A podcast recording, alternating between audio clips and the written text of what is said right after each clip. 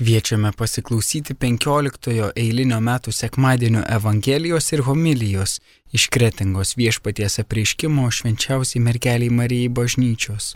Homilija sakys brolis Pranciškonas kuningas Juozapas Marija Žukauskas. Antroje laidos dalyje girdėsime popiežiaus Pranciškaus katechezę apie viltį.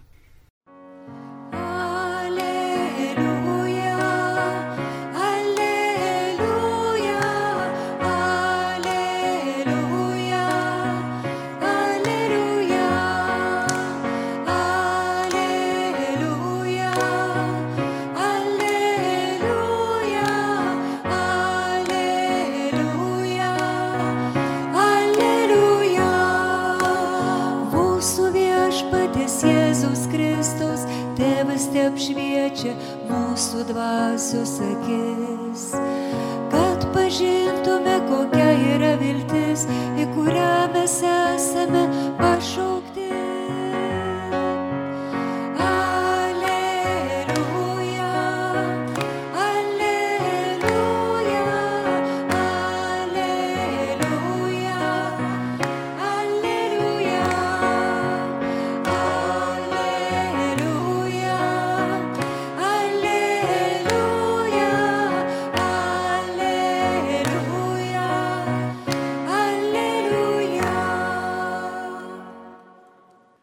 Viešpats su jumis.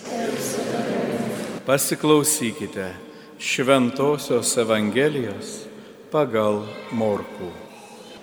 Anuo metu Jėzus pasišaukė pas save dvylika ir ėmė siuntinėti juos po du. Jis davė jiems valdžią netyrosioms dvasioms. Liepė be lasdos nieko neimti į kelionę, nei duonos, nei krepšio nei pinigų diržė, tik apsiauti kurpėmis, bet nesusivilkti dviejų palaidinių. Ir mokė juos, į kuriuos namus tik užeisite, ten ir pasilikite, kol išvyksite. Jei kurioje vietoje jūsų nepriimtų ir neklausytų, išeikite iš ten ir net dulkes nuo kojų nusikratykite kaip liudijimą prieš juos. Jie iškeliavo, ragino atsiversti, išvarė daug demonų, daugelį ligonių tepė aliejumi ir išgydė. Girdėjote viešpaties žodį. Evangelijos žodžiai ten naikina mūsų klaidas. Taigi šiandien mums Evangelija pasakoja apie Jėzų, kuris išsiunčia savo mokinius po du, kad jie eitų ir neštų gerąją naujieną. Ir aš kartais pagalvoju, o kągi jie turėjo atėjęs sakyti. Na įsivaizduokit, dabar vat jūs. Aš šiandien po mišių palaiminu ir sakau, susidalinkit po du ir eikit nešti gerąją naujieną. Sakysit, palaukit, palaukit, o tai gal kažkokį nors čia sąrašą, duok kažkokį tekstą, ką čia mums paskelbti, nes na, panašiai ir būdavo apa, su apaštalais tų laikų. Mums dabar žodis apaštalas asocijuojasi tuoj pat su tais dvylika apaštalų. Bet pats žodis iš savęs reiškia karaliaus pasiuntinį.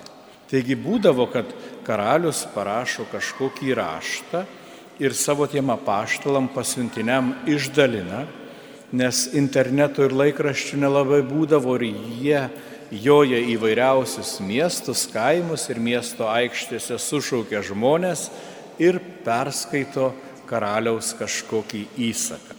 Tai vad panašiai ir Jėzus siunčia savo mokinius, tačiau neįduoda jokio teksto.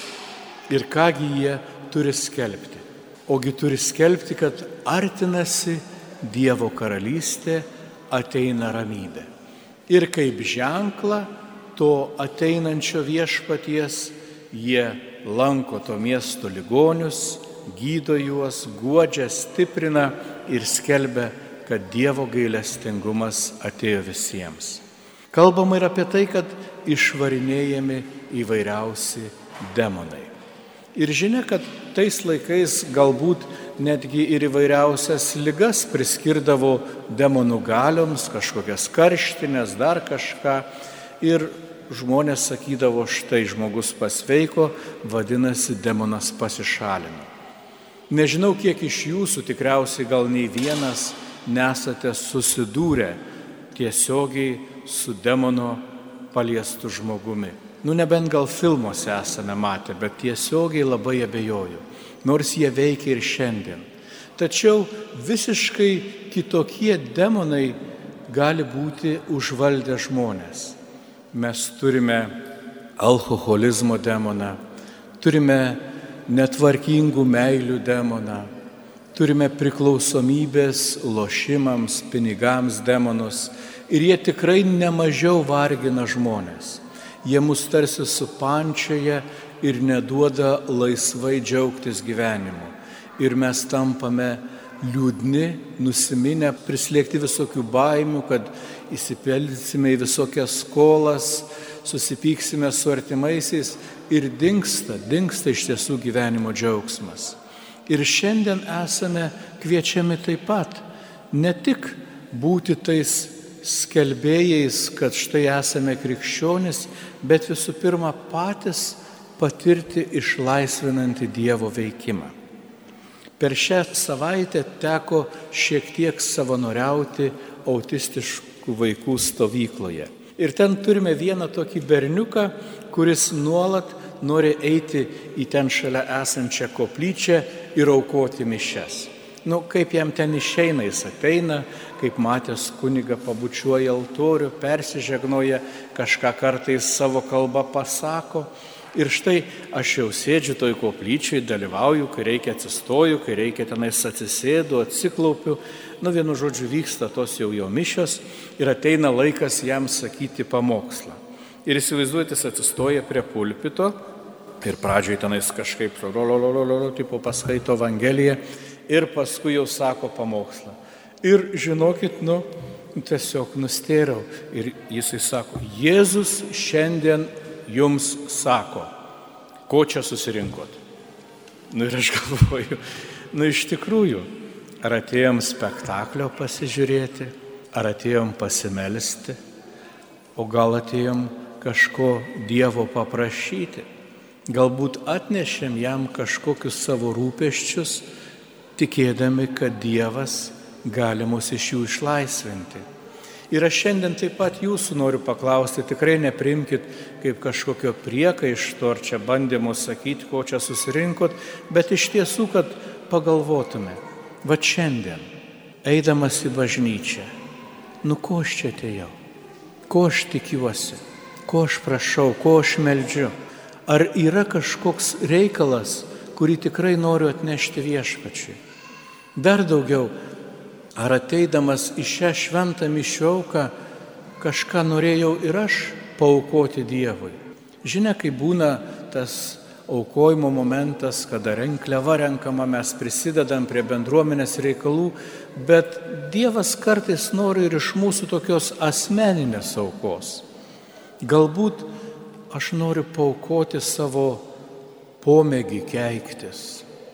Galbūt noriu atiduoti Dievui apkalbas, galbūt noriu atiduoti Dievui kažkokį užkietėjimą širdies ir sakyti viešpatie, atnešu tą dalyką kaip auką ant šio altoriaus. Ir kaip duona ir vynas yra perkeičiami, taip trokštų, kad ir mano širdis būtų perkeista. Kad aš iš čia išeičiau kaip naujas žmogus Ir kuomet jeigu reiks liudyti tikėjimą, aš nepradėsiu pasakoti, nu žinai, ten yra toks Jėzus, jisai turėjo paštulus, prieš 2000 metų kažką ten veikė, bet aš, kad galėčiau liudyti džiaugsmą, kad štai aš patyriau išlaisvinimą, kad aš buvau viešpaties apdovanotas džiaugsmu kad aš pagaliau atsikračiau kažkokios įdos ar priklausomybės ir kad tai, kas mane vargino daugybę metų, nuo manęs pacitolino. Ir aš iš tiesų pajutau, kad viešpats ir šiandien gydo, kad viešpats ir šiandien veikia ir kad aš esu Dievo išlaisvintas. Nes labai gražiai Paulius laiškė feziečiams sako, garbė Dievui, mūsų viešpaties Jėzaus Kristaus tėvui, kuris palaimino mus Kristuje visokiojo padvasinę palaimą danguje, mus išsirinkdamas jame prieš pasaulio sutverimą. Įsivaizduoji, tu esi viešpaties išrinktas prieš pasaulio sukūrimą. Tavo teveliai dar net negalvojo, kad tu būsi, o Dievas jau džiaugiasi tavo buvimu ir sakė, ateis diena, kai mano išrinktasis, mano išrinktoji ateis čia kretingo į bažnyčią, dalyvaus mišiuose ir išgirs tuos žodžius, kuriuos aš jau parašiau prieš tūkstančius metų, kad tu esi mano išrinktasis, mano išrinktoji ir kad aš trokštų tave palaiminti visokiojopais dvasiniais palaiminimais, kad tavo džiaugsmui nieko netrūktų. Ir jeigu gyvenimo kelyje prisirinkai kažkokių nuodėmių, kažkur suklupai, žinok, kad aš trokštų tave išlaisvinti, trokštų tave išgydyti. Drąsiai visą sudėk šio altoriaus pakojyje ir būk laisvas būk laisva, kad tavo gyvenimui nieko netrūktų, kad tavo džiaugsmas būtų pilnas ir kad tu liudytum tą džiaugsmą, sakydamas viešpaties karalystė iš tiesų prisertino. Viešpats iš tiesų yra su mumis.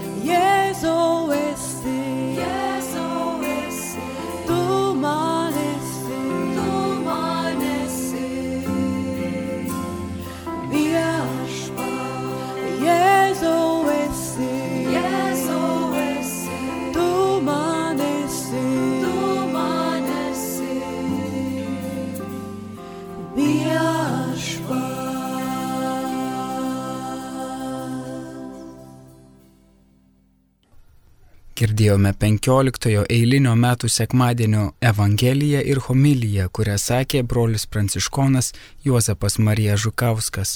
O dabar kviečiame pasiklausyti popiežiaus pranciškaus katechezės apie viltį. Jie perskaitys Jonas Lamauskas. Popiežius pranciškus bendrosios audiencijos katechezė - krikščioniškoji viltis, viltis kankinių stiprybė. Šiandien apmastykime krikščioniškąją viltį kaip kankinių stiprybę.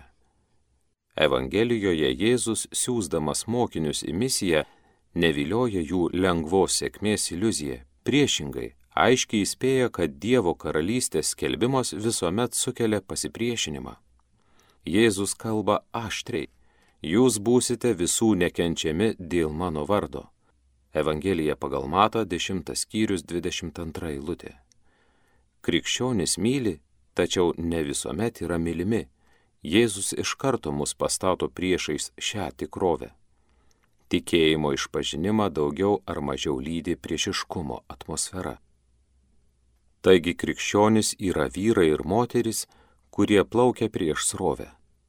Tai normalu, kadangi pasaulis yra paženklintas nuodėmės, besireiškiančios įvairiomis egoizmo ir neteisingumo formomis, tai tas, kuris seka Kristumi, eina priešinga kryptimi.